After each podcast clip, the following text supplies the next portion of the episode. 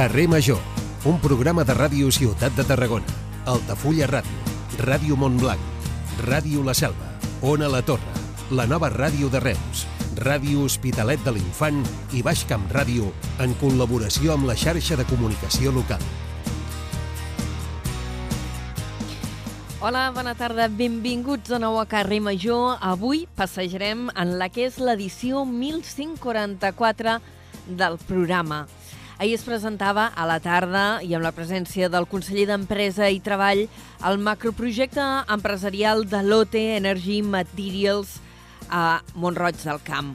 Un eh, projecte eh, que preveu fabricar eh, grans quantitats de finíssimes capes de coure que serveixen com a conductor en les bateries elèctriques, especialment en els cotxes elèctrics.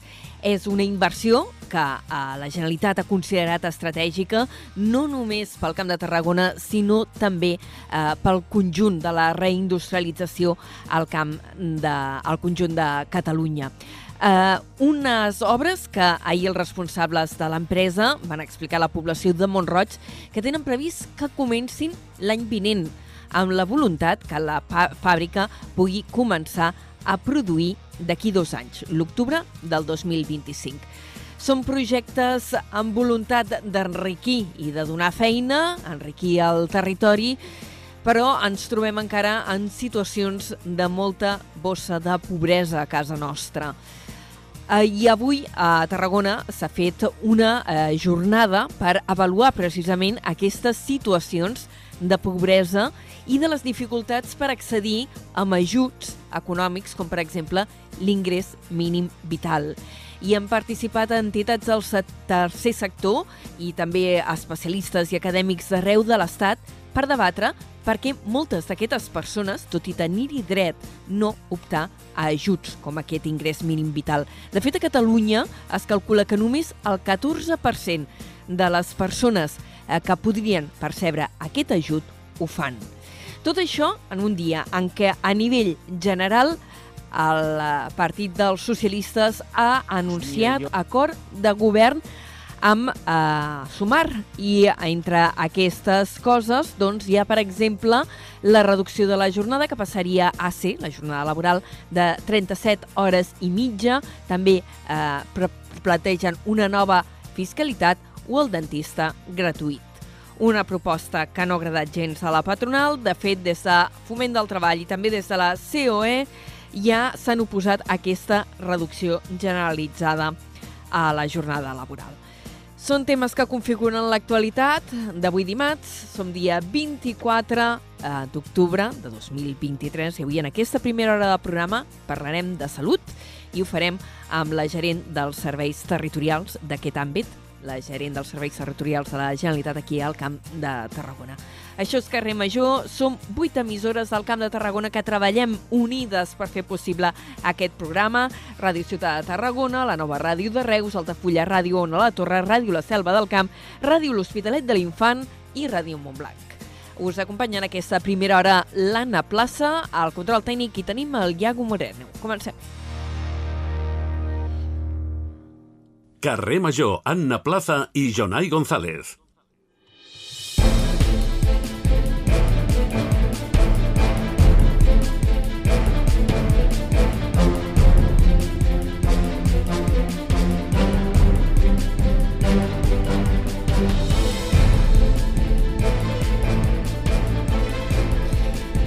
I ara és moment de repassar com fem cada dia al principi del programa les notícies més destacades de la jornada. Ho fem en forma de, tit de titulars i amb en Jonai González. Bona tarda. Molt bona tarda. Doncs comencem amb les entitats del tercer sector, que ara ho comentaven, demanen que s'unifiquin els criteris per demanar l'ingrés mínim vital i les prestacions autonòmiques per poder incrementar així el nombre de persones beneficiàries. A Catalunya es calcula que només demanen aquests ajuts un 14% de les persones que ho podrien fer. De tot plegat se n'ha parlat avui en una jornada que s'ha fet a Tarragona. I més eh, qüestions, parlarem també de la presentació del projecte de Lotte Energy Materials, que començarà a construir la seva primera planta de producció d'electrofoil a Montroig del Camp a principis de l'any vinent. L'objectiu de la companyia sud-coreana és iniciar la producció d'aquí dos anys, l'octubre de 2025. El Consorci d'Aigües de Tarragona aprova pujar un 2% la tarifa de l'aigua als seus consorciats. Aquest dimarts, el CAT ha celebrat l'Assemblea General que ha servit també per aprovar el pressupost per al 2024 que s'enfila als 47 milions d'euros.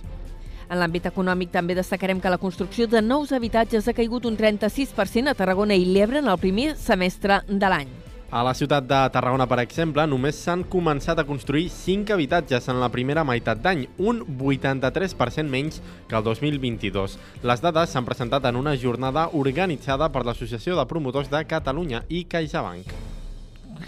I més qüestions. Eh, Comença la 28a recàrrega de combustible a la planta nuclear d'Escó 2. La parada preveu 12.500 operacions de treball i comptarà amb un miler de treballadors complementaris. La planta s'ha desconnectat de la xarxa elèctrica aquesta matinada per començar els treballs que costaran més de 28 milions d'euros.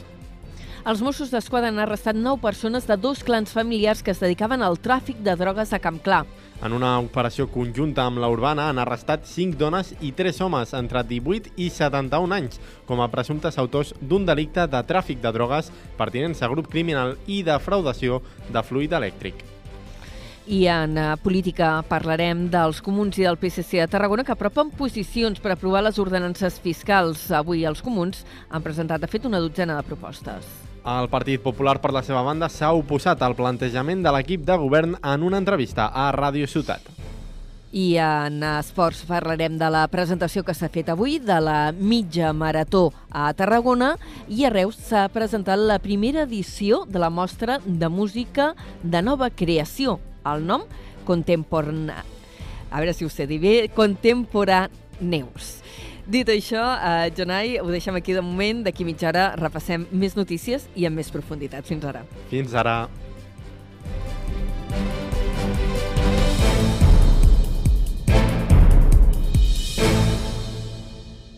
Carrer Major, Aleix Pérez.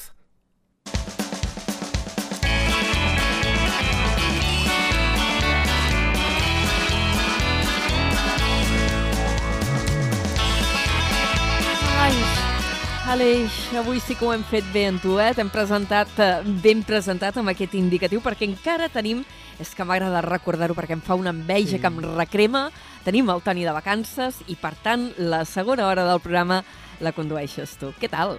Efectivament, molt bé. Mira, de fet, a, les, a, a la introducció de la segona hora també jo faig una mica d'hipòtesi d'on pot estar parant el, el Toni Ah. Mateos ara mateix, però, Ostres, però, però bé, bé, bé, jo estic, jo estic bé, una mica de dimarts. Bueno, ens, ens dius, va enviar una foto eh, prenent-se Mm. una cervesa palermitana que ens va fer morir d'enveja tots plegats, però després d'allò no n'hem sabut res més. No, no, a mi em va enviar un àudio, de fet, i de fons se sentia una, un acordió que dic, ostres, Déu-n'hi-do. Mare Eh? meva. Aquí, jo vaig dir, aquest àudio sona a vacances, Toni. Doncs ell que pot que ho disfruti i nosaltres acompanyant la gent del Camp de Tarragona explicant coses interessants que passen a casa nostra. Què explicaràs tu a partir de les 5? Doncs mira, Anna, jo arrencaré amb una entrevista a l'alcalde de la Selva i regidor també de promoció econòmica, el Josep Masdeu, per parlar de la Fira de la Selva que, que cau en aquest cap de És ja? setmana. És veritat? És ja, sí, sí. Sí, Eh, sí. També m'agrada perquè a més també podem fer recomanacions, no? La gent de, de, de llocs on, on pot anar també. Eh, col·laboradors tindrem a l'Agnès Toda, la, filò, la fi- filòloga, per parlar doncs, també de diferents iniciatives que s'estan promovent per, per difondre el, el català. Molt ODS, avui entrevistarem el Gerard Ior i l'Arnau Franquet, dos tècnics d'un projecte que es diu Ocell de Foc, que està dedicat a preservar la salut mental i també doncs, mira, mira bastant pels joves. Tot això doncs, maridat amb la banda sonora del Camp de Tarragona i la magnífica furgoneta del Miquel Llevaria, que s'han anat a la tercera edició del Festival Senderista de les Muntanyes de Prades. Ja veure què s'explica i si té cobertura. Esperem que sí. Sí. Esperem que sí. Suposo que no se'ns haurà perdut per les muntanyes, eh? d'allò Una del altra no, no podem tenir més baixes ja, eh? No, A la segona hora. tranquil, tranquil. Doncs tot això a partir de les 5. Gràcies, Aleix. Fins després. Fins després, Anna, vagi bé. Adéu, adéu.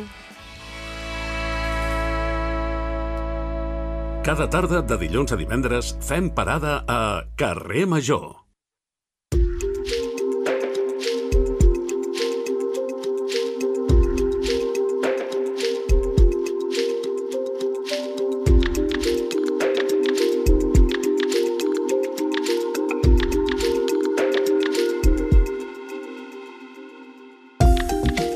Doncs ara us explicarem una trampeta. Avui hem sortit eh, de l'estudi, ens hem desplaçat i hem anat eh, fins a la Gerència Territorial de Salut al Camp de Tarragona, a l'Avinguda Maria Cristina, just davant del Camp de Mart, amb un edifici bastant històric, per conversar amb una mica de tranquil·litat amb la Imma Grau, ella és la gerent dels serveis territorials de salut al Camp de Tarragona, la delegada també, i teníem ganes de repassar una mica mm, com estan projectes sanitaris i altres qüestions d'aquest àmbit. Bon dia. Bon dia, bon dia. Uh, comencem una mica perquè toca, perquè ara estem en campanya de vacunació, estem en campanya de vacunació sobretot de grip i encara continua la de Covid. Com està anant? Uh, força bé, estem molt contents. La, sabeu que vam començar vacunant a tota la gent gran de les residències, no? o gent gran que estava amb atenció domiciliària, per poder eh, començar amb les persones de més de risc. A partir del dia 16 d'octubre vam començar, eh, vam ampliar a totes les, a totes les persones de risc, més eh, vam s'ha inclòs aquest any per primera vegada eh, tots els fumadors, vale? tant amb grip com amb Covid, eh? perquè es posen les dues vacunes a la vegada. La veritat és que la resposta és força és, és força, no te, tenim dades eh, molt generals encara, però sí que és veritat que estem contents de com han anat, estan anant les vacunes. També vam començar a posar les vacunes als nadons de l'URS, que també estem molt contents perquè sí que aquesta setmana, sí que amb aquest sí que ens han donat unes petites dades que estem per sobre del 60% de nens vacunats, amb la qual cosa això també eh, no? és, és superimportant perquè, com sabeu, les vacunes i a més a més, si no recordo malament avui entre, o aquesta setmana sortirà la campanya perquè la gent es vacuni, són superimportants per evitar no? tota la tota la eh, la casuística no? tant de grip com de Covid com amb els nadons de les bronquiolitis per evitar també ingressos hospitalaris innecessaris. Uh, tema vacunes, amb el cas de la Covid, clar, la majoria de gent ja en portem dos, tres, la gent més gran quatre, encara es van repetint, encara ja s'estan fent recordatoris, són necessaris aquests recordatoris? Uh, són supernecessaris perquè, com sabeu, la grip cada any ens vacunem. El Covid no deixa de ser una, o sigui, l'hem de considerar com si fos una altra grip, no? perquè a més a més, com heu anat veient amb la història de la Covid, s'han anat mutant, no? d'igual manera que la grip, la grip també va mutant i cada, vegada, cada any tenim cepes diferents, doncs amb el Covid passa el mateix. Llavors, també és veritat que les vacunes tenen un espai, eh, un temps determinat d'efectivitat i per tant hem de continuar vacunant-nos. És molt important. D'aquí, eh, com heu, si, el que sí podem dir ara, per exemple, és que la Covid la tenim molt estabilitzada, sí que és veritat que tenim punts de rebrot, però res comparat amb el que teníem abans i tot això és de, gràcies a la vacunació de, de, de la gent. Ja que treu aquest tema, aprofitem per eh, preguntar-li com està la situació de la Covid aquí al nostre territori, perquè clar, durant mesos i mesos vam estar tenint dades hospitalàries gairebé cada dia, tants ingressats, tanta gent a la UCI. Eh, ara encara hi ha gent ingressada aquí a Tarragona per culpa del Covid? Eh, hem de tenir dues perspectives. Una és la gent que ingressa per Covid, que és molt poca, eh, quasi bé insignificant, i gent que ingressa amb Covid, perquè ingressa no per la Covid, sinó que ingressa per altres patologies que té. No? Llavors aquí hi han les dos vessants. El que fa per la gent que ingressa única i exclusivament per Covid, eh, dades eh, eh, molt precises no tenim. El que sí és veritat és que tenim molt poca gent ingressada. Uh, tornant ara a la vacuna de la grip. Uh, enguany començàveu aquesta prova de que es vacunés també la gent que és menor de 60 anys, però que, per exemple, tenen factors de risc com ser fumadors. Uh, i estan anant? Estan responent a aquesta crida? O com que és un sector que no s'havia vacunat fins ara, us està costant més i esteu fent una crida activa? Uh, mira, uh, aquí hem de donar eh, no? felicitar els equips d'atenció primària perquè estan fent una campanya molt activa amb tota la població, no? que d'alguna manera s'han de vacunar. eh, i per tant fan una crida individualitzada a tota aquella població que s'ha de vacunar. Clar, després ja va eh, cadascú no, si es vol vacunar o no es vol vacunar. Però també és veritat que a nivell global, tots aquells que no són de risc, que tot i que l'atenció primària està fent una, una campanya mm, proactiva, eh, pensem que també una campanya des del departament mediàtica, no? perquè per anar conscienciant a tota la població de que la importància que té vacunar-se. I en el cas de la bronquilitis dels més petits, eh, també és, en aquest cas s'administra un anticòs, no, no, no un virus, és diferent al sistema, però en qualsevol cas és reforçar el sistema immunitari per reaccionar davant d'aquest virus, que l'any passat hi va haver pics de, amb moltíssima canalla al mateix temps malalta i en alguns casos amb ingressos. Uh, ja fa anys eh, que tenim pics, el que sí és veritat és que l'any passat ens, eh, es va desbordar moltíssim i això va fer que se saturissin molt els centres hospitalaris eh, i que hi haguessin nadons ingressats a les UCIs i això és el que volem evitar perquè són nadons de fins a sis mesos eh, que són molt petitets, que angoixen molt, que a més a més no, no tenen totes les defenses que necessiten i per això és la immunització amb, aquest, eh, amb, amb, amb, amb un sistema monoclonal no? que ens ajudi a, a evitar totes aquestes bronquiolitis. Uh, ara hem tractat així el tema sanitari perquè ara estem en plena campanya de vacunacions i hem volgut aprofitar per, per parlar-ne, uh, però des del de, departament uh, hi ha obres molt importants aquí al territori començant per les obres d'ampliació de l'Hospital Joan 23. Eh, situem una miqueta en, en línies generals en quina fase ho tenim ara, perquè és una obra llarga i complexa. Eh, és una obra llarga i complexa, eh, va al ritme que realment eh, volíem i que es havia planificat i la gran avantatge, i jo crec que això és d'agrair, que no afecta l'assistència en cap moment. No? S'ha planificat de tal manera que no afecti a l'assistència a la població amb totes les seves patologies i que això bueno, necessita el seu temps. No? I ens agradaria tindre el centre acabat i en ple funcionament, però necessita el seu temps i està dintre dels termes mm, previstos. Ara el que s'està fent és darrere de l'edifici principal, l'edifici històric, s'està fent un edifici pont. Que, què hi haurà en aquest edifici pont?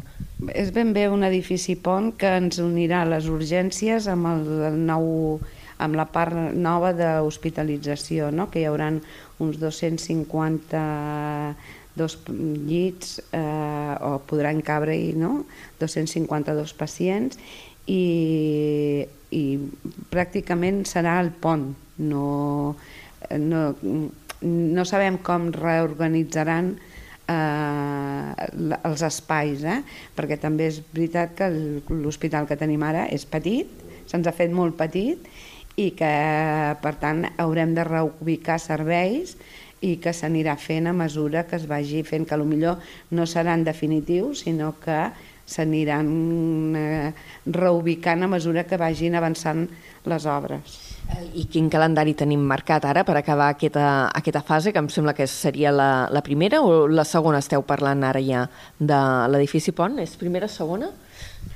Uh, bueno, ara seria la primera fase, però és que clar, dintre de la primera fase hi ha subfases, a la segona fase hi ha subfases, no? o sigui que el pla d'això és que anar amb els terminis que vam dir que faríem i que per poder anar eh, encabint no? totes les àrees que s'han de posar. No? És, és una inversió plurianual, evidentment. Entenc que en els pressupostos de la Generalitat eh, de l'any que ve també hi haurà partida pressupostària per continuar aquests treballs. Sí, clar. Vull dir, eh, eh, això, o sigui, quan ja està aprovat, no? la partida plurianual ja sempre es contempla dintre de tots els pressupostos per poder eh, finalitzar l'obra, no podrem deixar l'obra a mitges. El que vau comunicar fa molt poquetes setmanes és que eh, s'havien estrenat una nova àrea de quiròfans a Joan 23? Dos quiròfans nous. S'han eh, habilitat dos quiròfans nous. Sabeu que la, aquí el, bueno, el departament i el CatSalut, el que la nostra prioritat ara mateix és reduir les llistes d'espera quirúrgiques, a part de tota l'accessibilitat, eh? però una de les prioritats, el problema que teníem era que moltes vegades no tenim prous quiròfans, vale? i s'han habilitat aquests dos quiròfans que ens ajudaran a poder acabar aquesta, aquest any amb una reducció important de la llista d'espera quirúrgica. Algun tipus d'especialització amb aquests quiròfans? Perquè això sí que des de fora no tinc ni idea de si són tots iguals o estan preparats per fer determinades cirurgies o... Ja pot haver algun quiròfan molt específic per algun tipus de patologia, però normalment els quiròfans són uh, polifacètics, vull dir, els pots fer servir per qualsevol patologia. I el que també vau ampliar, i d'això ja fa una mica més de temps, és la zona d'UCI, d'unitat de cures intensives. Eh, amb aquesta ampliació heu donat resposta a les necessitats o encara en farien faltes més?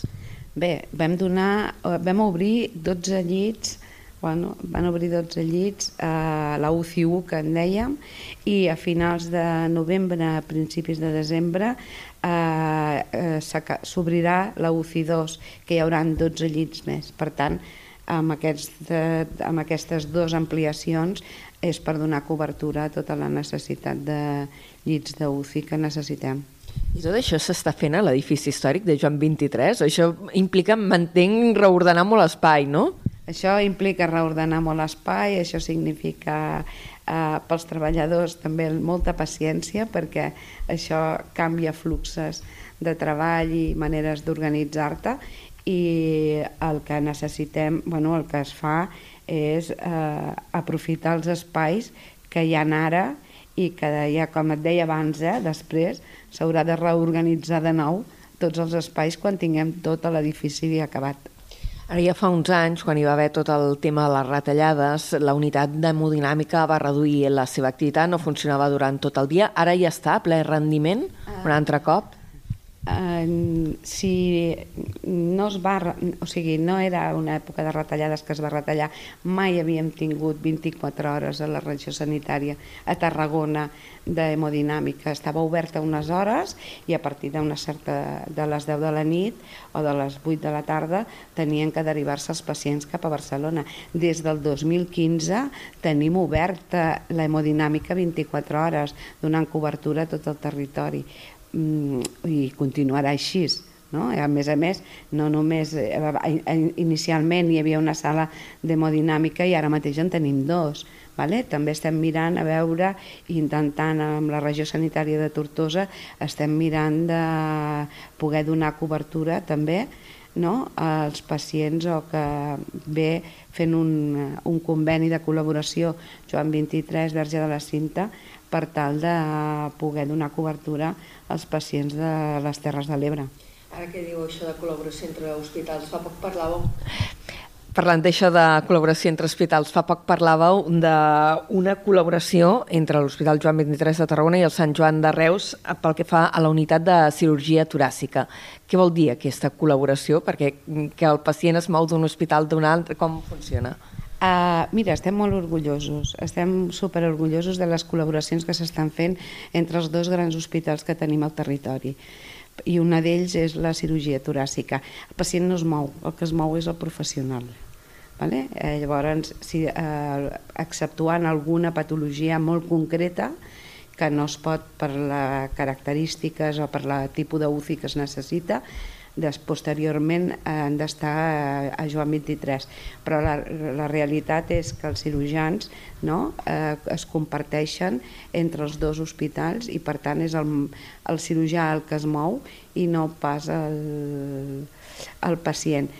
Eh, aquesta no és l'única col·laboració que hi ha ara mateix eh, entre els dos hospitals, n'hi ha altres, perquè a més a més tenim la cirurgia, l'obesitat mòrbida, que també es dona cobertura des dels dos hospitals, però que lidera més en aquest cas eh, Sant Joan de Reus, i eh, estem treballant amb altres, eh, amb altres serveis de difícil mm, cobertura, també per mirar de que no hagem d'enviar la població fora del territori. La idea és que aquestes col·laboracions ens ajudin a que el pacient pugui ser atès a la seva àrea d'influència, que en aquest cas és la regió sanitària de Tarragona, i que a més a més a poder ser a, a la seva ciutat no? o al seu hospital de referència. Gerina, encara li volia preguntar per un parell d'obres més. Unes són les del Cap de la Granja, que també és una reclamació de fa temps i que estan en marxa, com estan anant? Estan amb, te amb, amb terminis, eh? i a més a més eh, pensem que la tindrem acabada a finals d'aquest any i que la, tota la part assistencial, o sigui, la incorporació de tot el material que es necessita i tal, es podrà fer i començar a fer l'activitat assistencial dintre del primer trimestre de l'any que ve. I en el cas del Pius de Valls, perquè fa poc també, és, eh, anem aprofitant anuncis que s'han fet recentment, no? Eh, vau presentar un acord eh, per poder impulsar un parc sanitari. Què englobarà aquest parc sanitari i, i en quins terminis ens hem de fixar? Això és per començar obres ja o és més a llarg termini?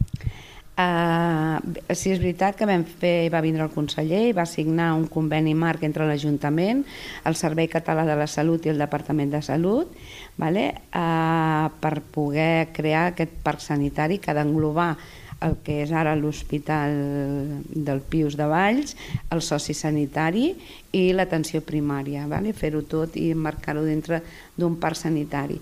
Eh, estem treballant eh, perquè és una prioritat d'aquesta regió sanitària eh, i estem treballant força i estem de, eh, però estem pendents de l'adjudicació d'uns terrenys que ha de donar-nos a l'Ajuntament de Valls, vale? perquè nosaltres farem l'obra però el terreny l'ha de posar a l'Ajuntament i estan en el procés de veure i analitzar quin és el terreny idoni per poder-nos accedir. Tan bon punt nosaltres tinguem eh, els terrenys, començarem a fer tot, a, a engegar la maquinària de, de poder començar l'obra. Per tant, no et puc donar terminis. Però teniu previst ja incloure-ho dintre del pressupost de l'any vinent? Perquè, clar, estem en moment d'elaboració de pressupost o encara és prematur poder dir? És prematur, perquè mentre no tinguem terreny i no sabem... Clar, s'ha de fer un projecte i fins que no tinguem el projecte no tindrem el, no, no podem incloure res. On sí que ja s'ha definit el terreny, si no hi ha d'haver sorpreses a última hora, és a Torredembarra, on també està previst fer un nou CAP, eh, un centre d'atenció primària més ampli, que a més doni mm, servei no només a Torredembarra, sinó als pobles del voltant. Això com ho tenim? Bé, això ho tenim bastant bé. A més a més, fa uns dies es va, no, es va aprovar el nou projecte de reurbanització des de l'Ajuntament, que era un pres previ a poder nosaltres començar a fer el projecte. Eh, per tant, jo crec que serà una realitat eh, aviat. Eh, te puc mirar... A veure, espera... Aprofitem per mirar papers, eh? perquè ja si hem vingut al despatx també era per tenir una mica la comoditat de si havia de consultar alguna dada que tingués els papers a mà i ja hem fet aquest exercici de, de en lloc de que vingués ella als estudis de desplaçar-nos nosaltres. Uh, la idea és tenir-lo acabat el 2026, no? i llavors durant el 2025 tot elaborar tot el que és el projecte i l'obra i poder-ho acabar el 2026. Hi ha un tema, ara deixant de banda obres, perquè crec que els projectes més grans que teniu en marxa hem fet així una mirada d'ocell, que és el tema de la salut mental eh, que a més se'n parla molt, que no és que el problema no existís abans, sinó que potser no se'n parlava tant. En aquest àmbit sempre s'ha dit que hi ha dèficit de professionals a la sanitat pública. Com ho tenim, això? Bé, ha, eh, la salut mental ara mateix és una prioritat també pel departament, a més a més està dintre no, del Pla de Salut de Catalunya i que hi estem eh, fent grans esforços i projectes per poder donar no, per poder intentar millorar tota la salut mental de la població. Uh, hi ha professionals hi ha els que hi han com hi ha especialitats que sabeu que ja són deficitàries eh, i que no n'hi ha eh, al mercat per molt que vulguem contractar més professionals, no n'hi ha. I llavors eh, és dificultós quan vols engegar projectes nous o quan vols fer alguna activitat nova, no? organitzar d'alguna altra manera per poder trobar professionals que qualificats no? i que puguem donar cobertura però d'igual manera que tenim dificultats per trobar psiquiatres o psicòlegs clínics, també tenim dificultats per trobar eh, metges de família, que tampoc no n'hi ha, no? i que per això s'han ampliat places de, de, les places de formació de l'especialitat de família i comunitària. Eh, també es van ampliant eh, places de, de formació d'especialitats com anestèsia, que també és una altra, una altra problemàtica, i altres patologies. Eh? Tenim eh, patologies que no sabem per què pues, eh, no criden tant l'atenció al jovent que estudia medicina i que llavors... Però bueno, eh, també estem treballant amb això, eh? també estem intentant perquè aquest tema que ara apuntava és un tema que també hem posat de manifest des dels col·legis eh, professionals de, de medicina, de, de metges i també el d'infermeres, que ara estem davant d'una situació de relleu generacional. Hi ha tota una generació nombrosa de professionals que es jubilaran els pròxims anys i se'ls ha de trobar relleu. Suposo que aquí, des del departament, teniu un repte molt important. Uh, sí, hi ha un repte molt important, però també fa, té, fa un, bueno, un any almenys eh, que hi estem treballant, i estem treballant de valent. També és veritat que s'han ampliat les places de, a les facultats, tant de medicina com d'infermeria, perquè per això, però fem tard, fem tard. Eh, I llavors realment tindrem un hàndicap no? amb tot aquest relleu generacional i ens hem de reinventar d'alguna manera, no? hem de buscar fórmules que ens ajudin a passar aquest període mentre no surtin les noves fornades, no, no surtin els nous professionals de les facultats. És un període de formació llarg, d'especialització després, i més clar, no és el mateix tot el respecte per als metges que acaben de sortir, no? però en aquesta professió, com en tantes d'altres, l'experiència també és un grau. Sí, Sí, sí, vull dir, no és un procés curt, sinó que són molts anys, no? Medicina tarden eh, entre la formació reglada més l'especialitat, pues, estan bastants anys eh, fins que no poden exercir com a especialistes. Sí que és veritat que mm, fan altre tipus d'activitat que ens pot ajudar a complementar aquestes dificultats de professionals però mm, bueno, passarem com puguem no? i intentar i esperem no? que les noves places que es vagin sortint. Sí que és veritat que no és des d'aquest any, sinó que des de l'any passat ja es van començar a ampliar les places, per tant, o sigui, des del curs passat ja anem, ja anem una miqueta avançats, però mm, veurem com va evolucionant. El fet de que hi hagi algun dels professionals que es poden jubilar però que es reenganxin no? amb la facilitat que ara mateix se'ls dona, pues, també pot ser que ens ajudi. No? Una darrera pregunta, i enllaçant amb tot això, ara aquí a Tarragona hi ha en projecte, i en obres, dues clíniques privades. Això us preocupa el departament de cara a la competència de buscar professionals? Bueno, ens preocupa relativament. No és una cosa que ara mateix sigui una preocupació real i immediata a, a, a, a la, al territori. Uh, sí que és veritat que s'haurà de tindre en compte. Ells fan una tasca, d'aquests dos hospitals uh, faran la tasca que, no? que complementen o que generalment uh, són mútues i privats i per tant eh, tindran la cobertura que tindran. No sabem com evolucionarà el, com aniran evolucionant, perquè això també depèn de les, de les generacions de professionals, eh, són tants els aspectes d'aquí a que estigui acabat, veurem quines són com tenim nosaltres el sistema, com està...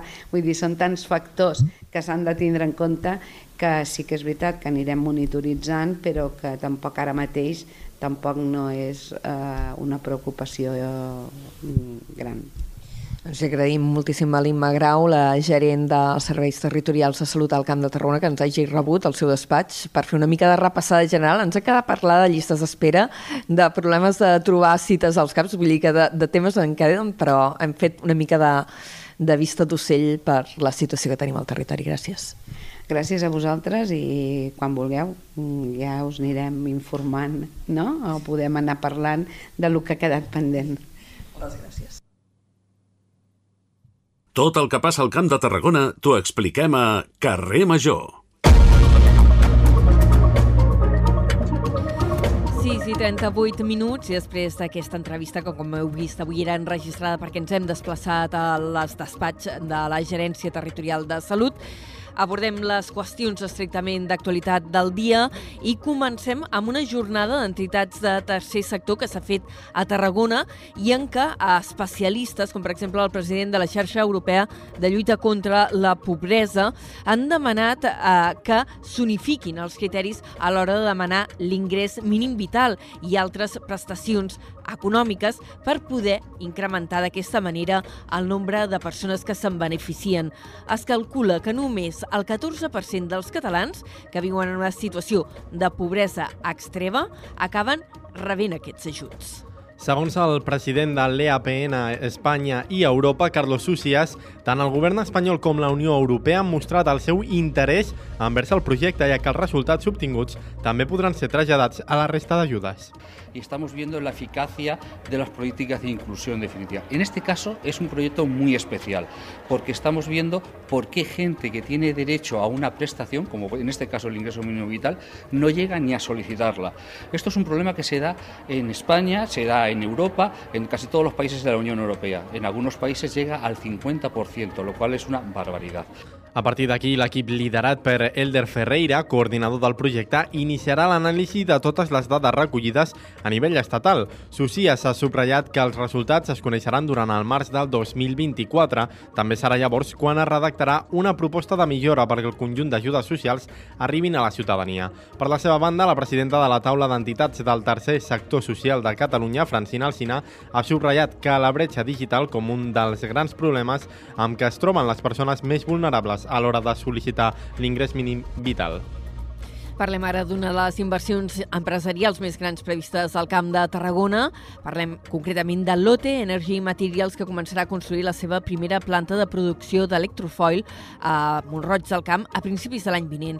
L'objectiu de la companyia sudcoreana eh, és eh, iniciar la producció d'aquí dos anys, és a dir, l'octubre de 2025. La companyia ha presentat els detalls del projecte en un acte que s'ha fet aquest dilluns a la tarda a Montroig i al qual han assistit directius de la companyia i també el conseller d'Empresa i Treball de la Generalitat. En aquesta planta s'hi produirà electrofoll, unes làmines finíssimes de coure que són un element imprescindible per a les bateries, especialment dels cotxes elèctrics. D'entrada es produiran unes 30.000 tones anuals destinades majoritàriament al mercat europeu. El gerent del projecte a Montroig, Marc Nieto, ha avançat que aquesta primera planta la podrien podrien seguir dues més en el futur. Cal tenir en compte que per, uh, per fer una fàbrica o per construir una fàbrica d'Elecfoil del nivell de, les que construirem, de la que construirem aquí a Montroig es necessita, si som ràpids, un, normalment dos anys de planificació prèvia. Per tant, ara de moment només podem dir que farem una fàbrica i tot i així seguim monitoritzant el mercat i seguim estudiant les opcions d'expansió. L'empresa ha assegurat que fa una aposta per la sostenibilitat. Bona part del coure que s'hi farà servir serà reciclat i la fàbrica s'alimentarà amb una planta fotovoltaica i la meitat de l'aigua que consumeixi serà reutilitzada. El Consorci d'Aigües de Tarragona ha aprovat a pujar un 2% la tarifa de l'aigua als seus consorciats, que són molts municipis eh, del nostre territori del Camp de Tarragona, de fet la majoria. L'Assemblea General de l'ENS, que gestioni el mini transvasament de l'Ebre, ha aprovat el pressupost de l'any vinent, que puja a 47 milions d'euros. Des del CAT han destacat que l'increment de tarifes que s'ha acordat està per sota de la inflació vigent i, a més, es ve d'un any en què s'han mantingut congelades. El president del Consorci d'Aigües, Joan Alginet, ha assenyalat que la pujada del 2% pretén compensar almenys en part l'increment general de costos. Com dèiem, l'Assemblea del Consorci d'Aigües de Tarragona també ha aprovat avui el pressupost de l'any vinent. Aquest inclou una partida de 14 milions d'euros per a inversions i s'han programat una quarantena d'actuacions. L'obra, que costarà més diners, 2 milions i mig, serà la construcció d'una nau d'emmagatzematge a la nau potabilitzadora de l'Ampolla. En total, el CAT destinarà 5,8 milions d'euros a ampliar i actualitzar les seves instal·lacions de l'Ampolla. I ens fem ressò també de la reunió que han mantingut el grup parlamentari del PSC de les comarques de Tarragona amb l'alcaldessa de Reus. S'hi han compromès a treballar per fer realitat el projecte de l'estació intermodal. En la reunió hi han pres part les diputades Rosa Maria Ibarra i Valle Mellado i el diputat Andreu Martín. Tots ells es van comprometre a fer pinya per impulsar projectes estratègics. A més de l'estació intermodal, també hi ha la nova seu de l'Institut d'Investigació Sanitària Pere Virgili, el cap del barri d'Ors de Miró, l'adequació de l'estació d'autobusos de Reus o la catenària del projecte de tramvia interurbà, entre d'altres.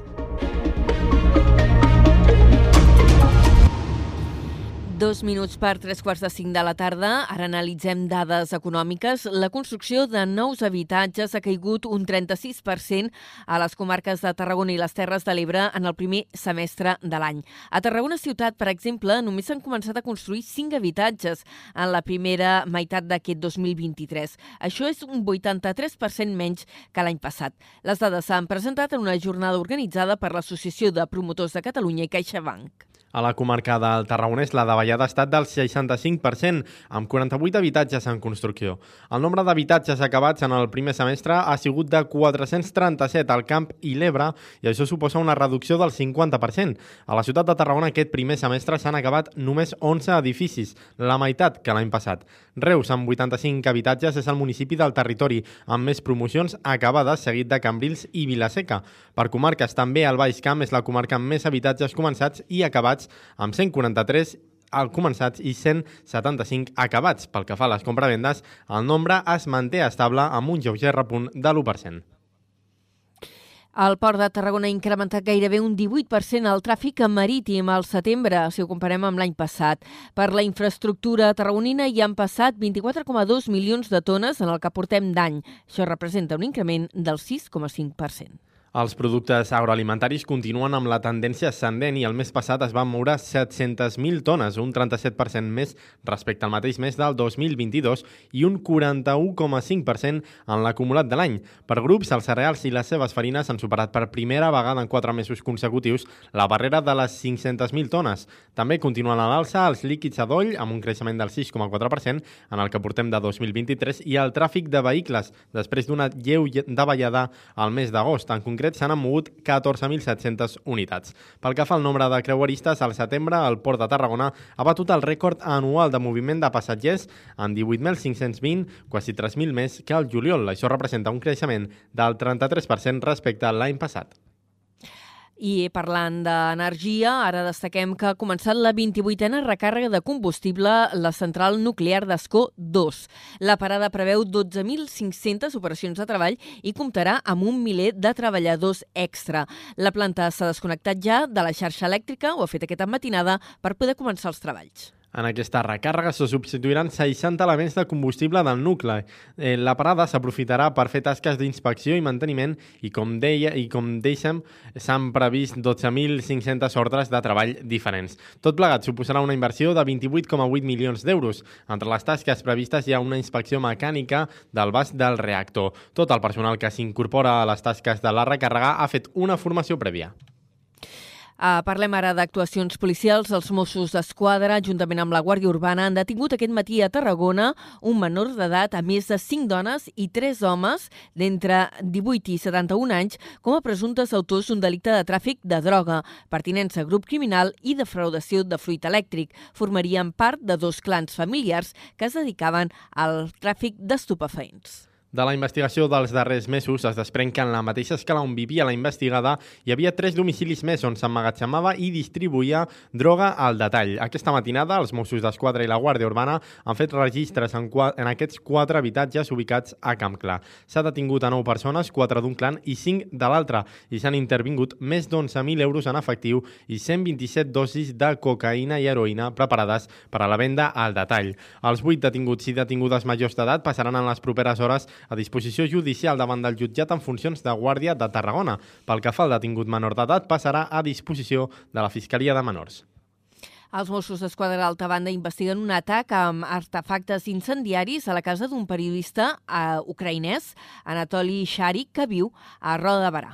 Els fets han passat aquesta matinada cap a tres quarts de cinc. No hi ha constància de persones ferides. El periodista critica amb el govern de Zelensky ja ha rebut diverses amenaces i la policia li fa un seguiment i està en contacte permanent amb ell. Els Mossos s'han fet càrrec de la investigació.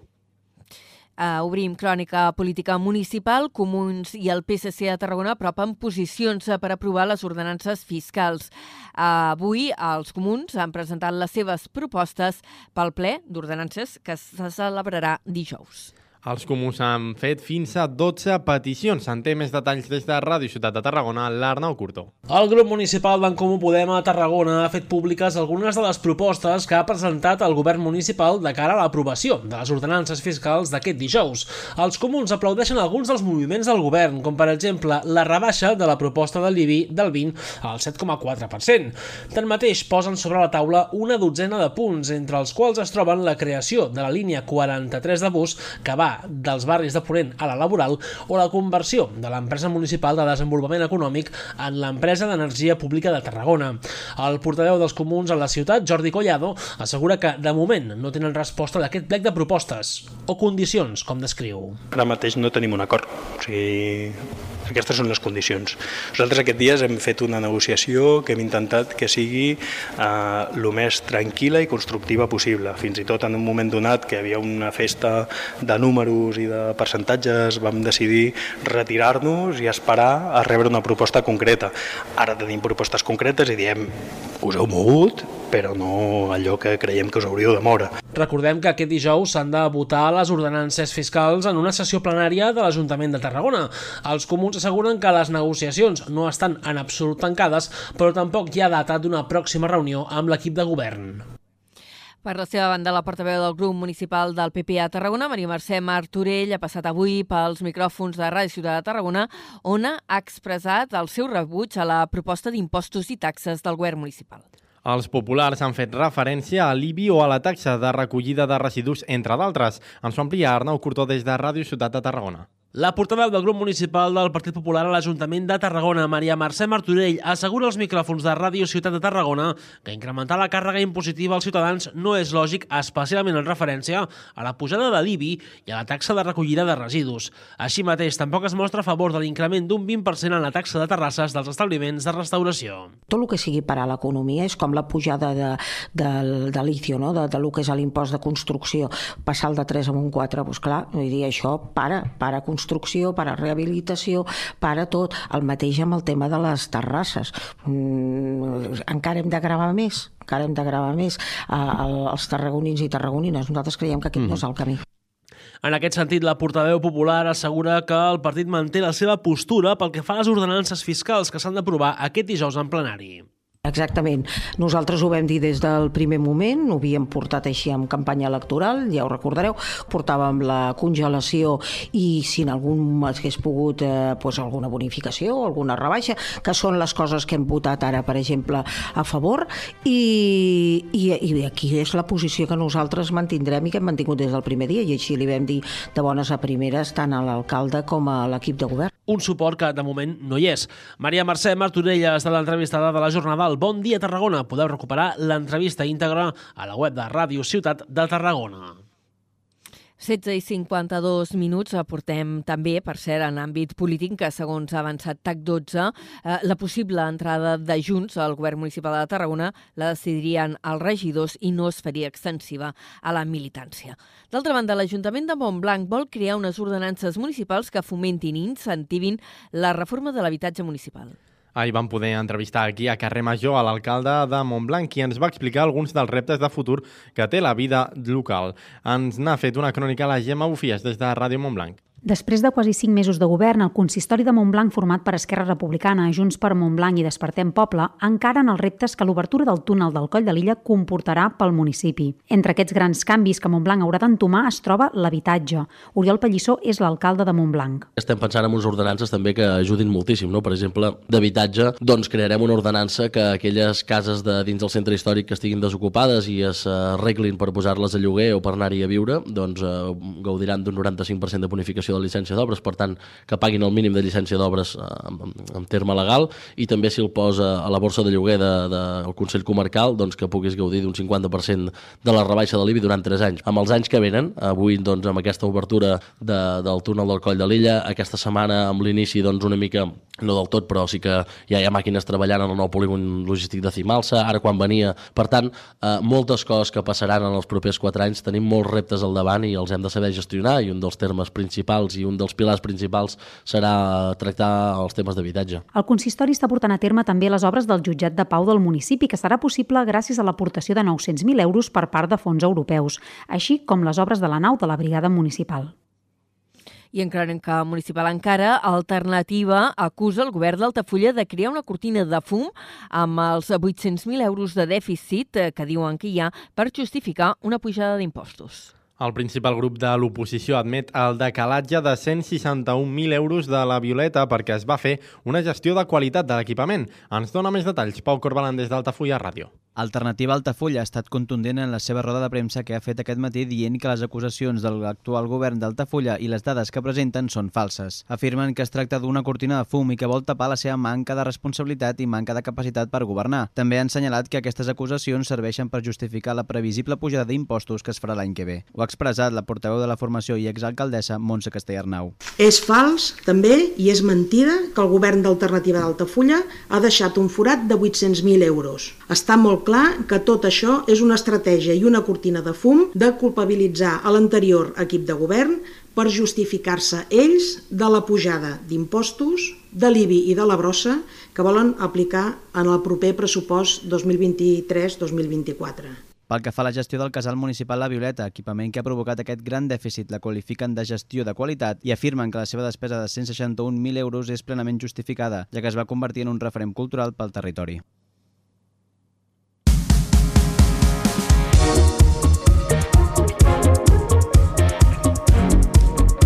Anem a parlar d'esports i ho fem eh, situant-nos a Tarragona ciutat on avui s'ha presentat una nova edició de la mitja marató. És la 32a. Com a novetat, la cursa de 21 quilòmetres canviarà de punt de sortida. En té tots els detalls amb Miquel Llavaria des de Ràdio Ciutat de Tarragona. Arriba la 32a edició de la mitja marató de la ciutat de Tarragona. Aquesta donarà el tret de sortida a les 9 del matí del diumenge 5 de novembre des del carrer Torres Jordi. El conseller d'Esports de l'Ajuntament de Tarragona, Bernard Álvarez, destaca que es tracta d'una cursa molt arrelada a la ciutat. Per nosaltres estem molt orgullosos ja de fer 32 edicions, significa que la cursa està molt arrelada, significa, a més a més, que aquest arrelament ha de suposar que té un futur per endavant esplèndid, que hi hagi gent que s'afegeix a la cursa que ara li dona més valor i que, bueno, que un punt d'orgull i també un punt de responsabilitat de fer-ho bé i ara l'únic que esperem és que surti un bon dia per córrer, que, no, que, el, que el temps no s'ho espatlli i que sigui un èxit de participació i d'organització. Álvarez també agraeix la tasca dels voluntaris sense els quals no seria possible organitzar l'esdeveniment. Les persones interessades a inscriure's tenen fins al dia abans, 4 de novembre, i actualment n'hi ha comptabilitzades unes 1.100 amb l'objectiu d'assolir les 1.500. Pocs segons per repassar notícies de cultura, però avui ens centrem a Reus, que aquest dissabte estrenarà la música de nova, eh, una mostra de música de nova creació. Es diu Contemporana Reus.